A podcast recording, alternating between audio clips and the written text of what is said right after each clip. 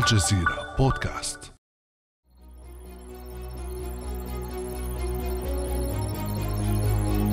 على غرار دونالد ترامب اعتاد الملياردير إيلون ماسك إثارة الجدل وكلاهما لاعبان كبيران في سوق المال والأعمال وسوق السياسة أيضا. لكن نحن هنا لا نريد أن نغرق في تفاصيل الرجل وهي بالمناسبة كثيرة وفي ألاعيبه المثيرة والمفاجئة للعالم. نريد فقط أن نفهم ماذا يريد إيلون ماسك من تويتر. وما مستقبل هذه المنصة؟ وكيف يوسع إيلون ماسك تأثيره على السياسة في العالم وفي بلاده؟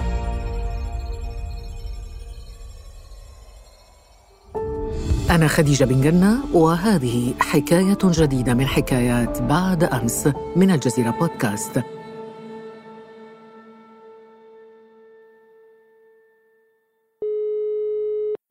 أسعد باستضافة الأستاذ بسام شحادات المستشار في الإعلام الرقمي وفي تكنولوجيا المعلومات. أهلا وسهلا بك أستاذ بسام. أهلا أستاذة خديجة. أستاذ بسام أكيد أنت متابع الثورة التي نشهدها الآن على منصة تويتر مع شراء إيلون ماسك لتويتر. بدأ التوتر على هذه المنصة. كيف نفهم برأيك أستاذ بسام كل هذه التغييرات الجوهرية التي يجريها إيلون ماسك على تويتر؟ حياكم الله. إيلون ماسك في صفقة تويتر أعتقد أنه وقع في أزمة. أزمة بدأت عندما هو بدأ بتقديم عرض لشركة تويتر للاستحواذ عليها بشكل كامل ثم حاول التملص من هذه الصفقة عبر ادعاء أنه المنصة غير جاهزة أن عدد المستخدمين الوهميين فيها كبير جدا ثم تم الذهاب إلى القضاء. إلزام إيلون ماسك عبر القضاء بالصفقة شعر أنه سيخسر القضية فاضطر إلى أن يأخذ إجراء عملي ويستحوذ على المنصة بمبلغ مقداره 44 مليار دولار. أنا أعتقد أن الأزمة بدأت من إلزام ماسك في هذه الصفقة. هو كان ممكن يخوض مغامرة يعني شو إعلامي لتقديم العرض للاستحواذ عليها لكن قد لا يكون قرر بشكل كامل برغبة حقيقية في الاستحواذ. بعد الاستحواذ الذي أجبر عليه إيلون ماسك وجد نفسه مضطر لأن يتعامل مع واقع في شركة تخسر ليس فيها إمكانيات آه، نجاح تجاري وهو استثمر فيها مبلغ كبير جدا 44 مليار دولار نعم يعني شركة هذا تخسر هذا وهو استثمر مبلغ كبير وهو 44 مليار دولار لكن أكيد هناك مردود تجاري طالما أنه سيفرض يعني دفع مبلغ قدره 8 دولارات على كل مستخدم لتويتر أليس كذلك؟ هو بدأ منذ اليوم الأول لاطلاعه على التفاصيل والتقارير المالية للشركة باتخاذ إجراءات كما وصفه هو للحد من الاستنزاف المالي. الشركة كما هو ذكر تخسر 4 مليون دولار يوميا. يعني خسارة معتبرة يعني 4 مليون دولار بالنسبة لرجل أعمال هذا مبلغ كبير ويوميا. يعني هل هذه مغامرة لم يحسب لها حسابا من قبل مثلا؟ أنا أعتقد أن يعني خسارة تويتر لم يكن سر مخفي عن أي أحد في يعمل في عالم المال أو الأعمال أو قريب من من شبكات التواصل الاجتماعي، معروف جدا أن شركة تويتر هي شركة خاسرة، ليس لديها إيرادات كبيرة جدا، لكن الاستراتيجية التي دخل بها إيلون ماسك إلى تويتر أنه كان يريد أن يجري والآن ما زال يعمل على إجراء تغيير جذري في المنصة. هذا التغيير له شقين، الشق الأول أن إيلون ماسك قرر أن يفرض رسوم على مستخدمي تويتر الذين سيحصلون على إشارة التوثيق أو ما ما يعرف بالإشارة. الزرقاء. هذا التحصيل كان مرد حصول تويتر على 8 دولارات شهريا 8 دولارات شهريا من كل مستخدم موثق. أستاذ بسام بيع العلامة الزرقاء أو التوثيق بهذا الشكل ألم يحدث كوارث؟ صحيح. في أول يومين من تطبيق هذه الاستراتيجية في بيع العلامات الزرقاء حصل كثير من الأزمات في كثير من الحسابات التي تم توثيقها من قبل مستخدمين عاديين وتم نشر معلومات تداولتها بعض وسائل الإعلام وتداولها مستثمرين في البورصات على أنها معلومات حقيقية وأدت لانهيار أسهم بعض الشركات وأزمات سياسية وأزمات على مستوى العلاقات الشخصية لحسابات وهمية تم توثيقها بثمانية دولار. شهريا. بعد يومين من تطبيق هذا الأمر والكارثة التي حلت تم إيقاف العملية وعادت تويتر لتعود باستراتيجية مختلفة أن التوثيق سيكون على ثلاث مستويات بثلاث ألوان وسيكون للشركات أو المؤسسات الحكومية والشخصيات العامة بشكل مختلف عن كل جهة لكن ما زال إلى الآن هناك تخبط شديد في تطبيق هذه الاستراتيجية وإلى الآن لا يعرف كيف سيتم تطبيقها وكم سيتم جني أموال منها وأعتقد أن هذه العملية سببت ضرر كبير جدا للمنصة المنصة والمستخدمين وأدت إلى خسائر كبيرة جدا حتى على المستوى الاستراتيجي. كان المفروض أن تأتي بأموال لشركة تويتر لكنها أدت إلى إيقاف المعلنين وخسائر كبيرة. الاستراتيجية أو الأمر الآخر الذي أراد إيلون ماسك أن يفعله هو أن يدمج خدمات إضافية في منصة تويتر وأعلن أنه يريد أن يحاكي تطبيق ويتشات الصيني.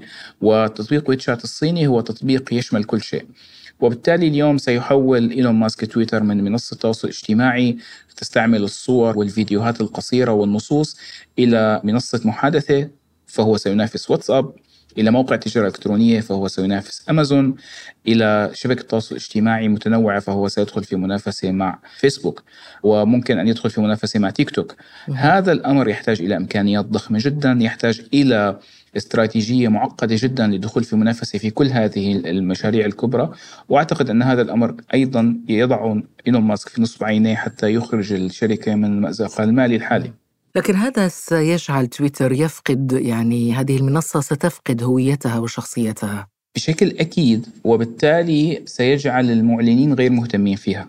وهذا ما حصل من قضية أن شركات الإعلانات الكبرى أكبر 13 معلن موجودين في تويتر الآن أوقفوا إعلاناتهم آه، السبب أنهم يرون ضبابية جدا تجاه المستخدم يعني 13 شركة سحبت الإعلانات من تويتر؟ نعم أكبر 13 شركة معلنة في تويتر أوقفت إعلاناتها في المنصة وهنالك شركات استشارات في الدعاية والإعلان والعلاقات العامة أوصت عملائها بعدم الاتجاه للإعلان في تويتر في المرحلة الحالية بسبب أن تويتر اليوم لديه رؤية ضبابية جدا تجاه المستقبل. الجمهور تويتر اليوم يتغير آه، الناس بدأت في العزوف عن تويتر آه، لكن اليوم ما أعتقد أنه كان يعني بمثابة إبرة الإنعاش للمنصة هو كأس العالم. اليوم كأس العالم جاء في مرحلة حساسة جدا ومعروف جدا أن حدث عالمي بهذا الشكل آه، يعني يزيد النشاط فيها على مواقع التواصل الاجتماعي وهذا أنعش منصة تويتر في الفترة الحالية. استغل إيلون ماسك هذا الانتعاش الذي حصل في مواقع التواصل الاجتماعي وانعكس على كل مواقع التواصل الاجتماعي وجزء منها تويتر بأن يبرز تقارير يقول أن المنصة في أحسن أحوالها وأن التفاعل يزيد والمستخدمين يزيدون. لكن المحللين يقولون أن هذا شيء مرتبط بكأس العالم وليس لتويتر أثر فيه يعني يجب على إيلون ماسك يقول شكرا لمونديال قطر. صحيح. طيب بالنسبة للمحتوى أستاذ بسام هل سنشهد تغيرا في المحتوى؟ لأنه الهدف الذي يسوق له إيلون ماسك هو حرية التعبير بشكل مطلق للجميع. هل تعتقد أنه حرية التعبير بشكل مطلق كما يقول ستنطبق أيضا على المحتوى العربي على المحتوى الفلسطيني؟ لا أعتقد. أنا أعتقد أن إيلون ماسك يتكلم هنا عن الحرية التي هو يفكر فيها. اليوم جزء من هذا الموضوع أن إيلون ماسك أصدر ما يعرف بالعفو العام عن كل الحسابات الممنوعة في تويتر أو الحسابات الموقفة في تويتر وعلى رأسها حساب الرئيس الأمريكي دونالد ترامب الرئيس السابق. هذا الأمر أثار زوبعة أو يعني عاصفة من الانتقادات لأن اليوم إعادة حسابات متهمة في العنصرية متهمة بالتحريض متهمة بإثارة العنف. بعض هذه الحسابات لديها محتوى يسبب أزمات كبيرة جدا داخل المجتمع. ممكن يؤدي بعض هذه الحسابات كان لديها نشاط في حض الجمهور على عدم تعاطي أو آه، لقاحات كوفيد 19 وبالتالي هذه الحسابات لها أثر ضار جدا كبيرا على المجتمع. هذه الحسابات أطلقها إيلون ماسك مجددا. هذا يعني ليس حرية تعبير هذا فوضى في التأثير في الجمهور وفوضى في الأثر الذي ممكن أن تحدث هذه الحسابات آه، دون رقيب من قبل إدارة تويتر. أنا أعتقد أن هذا هو ما يريده إيلون ماسك. للأمر بعد سياسي بعد فكري اجتماعي وأعتقد أن آه، يعني الحكومات يجب أن تتدخل اليوم لأن التأثير الكبير لهذه الحسابات سيكون فيه ضرر على المجتمع بشكل واضح. أستعير منك أستاذ بسام كلمة فوضى ومصطلح فوضى. هذه الفوضى في إدارة المنصة يراها كثيرون تجسدت من البداية في الإقالات موجة الإقالات. ممكن نسميها إقالة طرد فصل تفنيش بأي مصطلح كانت ولكن هناك الآلاف من موظفي منصة تويتر وجدوا نفسهم في الشارع بدون عمل سواء بالإقالة أو استقالة طوعية من طرفهم. كيف تفسر هذا الأمر؟ طبعا الطريقة التي تعامل فيها إيلون ماسك مع فريقه هي طريقة فظة جدا. وهذه الطريقة أصلا انعكست على قضية حرية التعبير لأنه اليوم هنالك اتهامات من منظمات حقوقية. آه، لإيلون ماسك أنه يعني ينصب نفسه كمطلق لحرية التعبير في العالم وهو أول من انتهك حرية التعبير تجاه موظفينه أسكتهم طردهم فصلهم من عملهم. هو يتعامل معهم بازدراء حتى على المنصة نفسها. عندما يعني حصلت حادثة شهيرة قبل أيام أن أحد المهندسين في تويتر علق بتعليق على إيلون ماسك تعليق مبني على حقيقة. إيلون ماسك رد عليه you are fired فصلوا من العمل. على منصة تويتر. على تويتر. يعني فعل ما كان يفعله دونالد ترامب. بالضبط. فهذا الأسلوب من التعامل مع الموظفين طبيعي جدا أن يوصل الفريق إلى حاله من عدم الثقة بالشركة التي يعمل بها. هو فصل 40% من الفريق استكمل 10% آخرين بإقالات جماعية من الفريق. هم قالوا نحن لا نريد والشيء الأكثر يعني طرافة في هذا الموضوع أن الشركات المنافسة لتويتر استغلت هذا الحدث بشكل كبير جدا وأعلنت أن موظفين تويتر مرحب بهم في شركاتها واستقطبت هذه الكفاءات إليها وبالتالي إيلون ماسك شعر أنه ارتكب خطيئة في حق نفسه وحق مشروعه وحاول أن يعود ليصلح الأمر. أرسل رسالة إلى فريقه طلعت عليها بعض الصحف قال فيها أنه سيعطيها جزء من الفريق أسهم في الشركة وامتيازات مالية كبيرة جدا. طبعا لأنه في منافسة قوية بين هذه الشركات.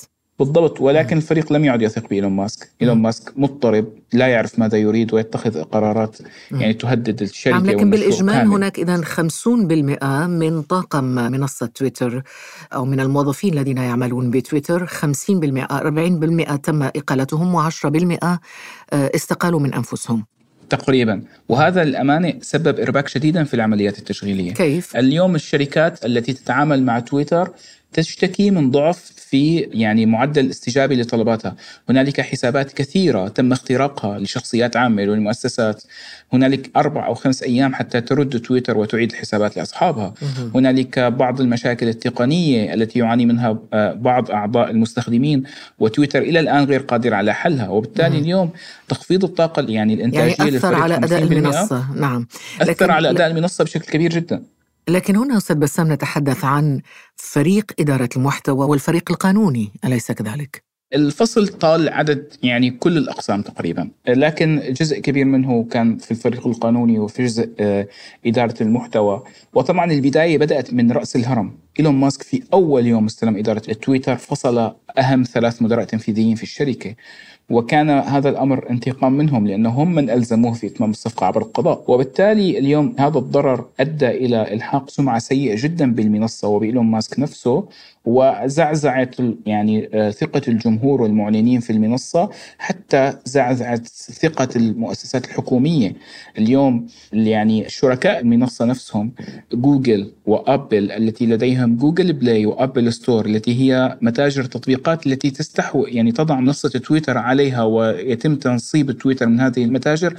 يعني شككوا في قضية إمكانية حذف منصة تويتر من متاجرهم بسبب أنه تويتر قد تخالف السياسات قد تسمح بنشر مواد آه، غير لائقة وتحت باب حرية التعبير قد تسمح آه، بإعلانات لشركات مخالفة وبالتالي سيتم مراجعة إبقاء هذا التطبيق على متاجر التطبيقات طبعا هذا يفسر طبيعة عمل هذا الفريق الذي يشرف على المحتوى والذي يراقب كل ما يتعلق بالمحتوى اللي فيه عنف، كراهية، أخبار مضللة وربما أيضا محتوى غير أخلاقي وغير ذلك. طيب هذا الفريق الآن فصله سيؤثر على مستقبل المحتوى في المنصة كيف؟ اليوم الجمهور بشكل أساسي يترقب ما هي الخطوة التي سيقوم بها إيلون ماسك حتى يغير من التفاعل بين الجمهور وما هو المحتوى الذي سيسمح بنشره. الحكومات تنظر إلى هذا الأمر بطريقة مقلقة.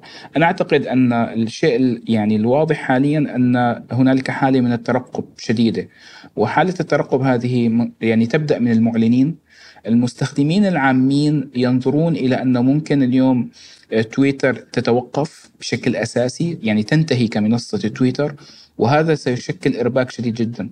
هنالك تقارير أن المنصات الإخبارية الكبرى في الولايات المتحدة الأمريكية بدأت تدرس خيارات إطلاق منصات أخرى بدلا عن تويتر. هنالك منصات إخبارية كبيرة جدا تعتمد على تويتر كمنصة لنشر أخبارها ونشر تقاريرها. في حال سقوط التويتر أو توقفه عن العمل نتيجة أسباب تقنية أو ضعف كفاءة الفريق أو عدم وجود قدرة استيعابية الفريق لتشغيل المنصة ب 50% من الفريق أو حتى صدور تشريعات قانونية تحد من الوصول فجميع هؤلاء المستخدمين كشركات أو كأفراد سيبحثون عن حلول أخرى لحتى يكونوا قادرين على العمل لأن الوضع يعني الحالي غير تذهب غير إلى فضاءات. أخرى. لكن هذا يعني أيضا أنه سقوط أو اختفاء. منصة تويتر أنه الرجل يكون قد ضيع 44 مليار دولار. وهذا مبلغ مش قليل يعني. صحيح. قبل قليل أستاذ بسام قلت أن الناس سترحل من تويتر إلى فضاءات أخرى إلى منصات أخرى. إذا استمر الوضع هكذا على تويتر أو إذا سقطت هذه المنصة أو اختفت. لكن صراحة آه، أستاذ بسام أنا لا أتخيل أن الناس ستهرب مثلا أو ترحل من تويتر إلى فيسبوك مثلا. ما هي البدائل في هذه الحالة؟ يعني أنا أعتقد أن اليوم لا بدائل إلى المنصات الموجودة حاليا. لكن هنالك فرصة اليوم إذا في حال استمر التخبط في منصة تويتر بالشكل الحالي هنالك فرصة للمنافسين لاستغلال هذه الثغرة. والخروج بمنتجات أو ميزا- ميزات جديدة في منصاتهم تستقطب الجمهور المهاجر من تويتر. وهذه فرصة يعني تهدد مشروع تويتر بشكل كامل وممكن أن تؤدي إلى انهياره بشكل أساسي. لكن غياب أو سقوط منصة تويتر أستاذ بسام ألا يؤثر على القوة الناعمة الأمريكية؟ وأنت تعرف والجميع يعرف أنه المنصات الرقمية هي ذراع من أذرع القوة الناعمة الأمريكية مش فقط في الولايات المتحدة في أي مكان. طبعا هذا شيء أكيد. اليوم منصة تويتر هي أكبر منصة إخبارية في العالم. تعتبر واحدة من أهم الأدوات للقوى الناعمة الأمريكية. مؤخرا هذا الأسبوع شهدنا احتجاجات في الصين والصين يعني تدعي أن تويتر لها تأثير في تأجيج هذه الاحتجاجات وبالتالي لا يمكن أعتقد للولايات المتحدة الأمريكية أن تسمح بانهيار المنصة. لكن كيف سيكون هذا التدخل لمنع انهيار المنصة؟ في ظل حكومة على رأسها جو بايدن الذي هو يعني في عند أتمام الصفقة اتهم إيلون ماسك على أنه استحوذ على أكبر منصة للكذب في العالم. وبالتالي أنا أعتقد أن اليوم الحكومة الأمريكية غير راضية عن الصفقة غير راضية عن إيلون ماسك. إيلون ماسك يحابي الطرف المقابل يتعامل مع ترامب أعاد له حسابه. لكن اليوم هذا سلاح ذو حدين. أنا أعتقد أن يعني قد يصلون إلى تفاهم بشكل غير معلن للحد من هذا الانهيار وبقاء المنصة تحت يعني أسلحة القوة الناعمة للولايات المتحدة نعم. الأمريكية طيب حتى لو جو بايدن الرئيس الأمريكي وصف هذه المنصة منصة تويتر بأنها أكبر منصة للكذب صعب جدا أن تسمح أمريكا بسقوط أو باختفاء منصة تويتر صحيح صعب جدا. هذا يحتاج أنه يتدخلوا بطريقة أو بأخرى. ممكن تقديم دعم غير مباشر توجيه بعض المستثمرين لدعم شركة تويتر. ممكن هنالك تسريبات لكن غيرت غير مؤكدة أنه قد يكون هنالك قرار بإلغاء الصفقة الحد من تصرفات إيلون ماسك تحت ذريعة الأمن القومي. اليوم الأمن القومي متأثر بسلوكيات لمنصة لديها هذا العدد الكبير من المستخدمين آه، وبالتالي اليوم قد يكون هنالك بعض الإجراءات تحت ذريعة حماية الأمن القومي الأمريكي. طبعا الآن بعد هذا الحوار الشيق فهمنا الرهانات الكبيرة حول منصة تويتر ونشكرك في ختام هذه الحلقة الأستاذ بسام شحادات المستشار في الإعلام الرقمي وتكنولوجيا المعلومات على هذا الوقت الذي خصصته لنا في بعد أمس. شكرا لكم. كان هذا بعد أمس.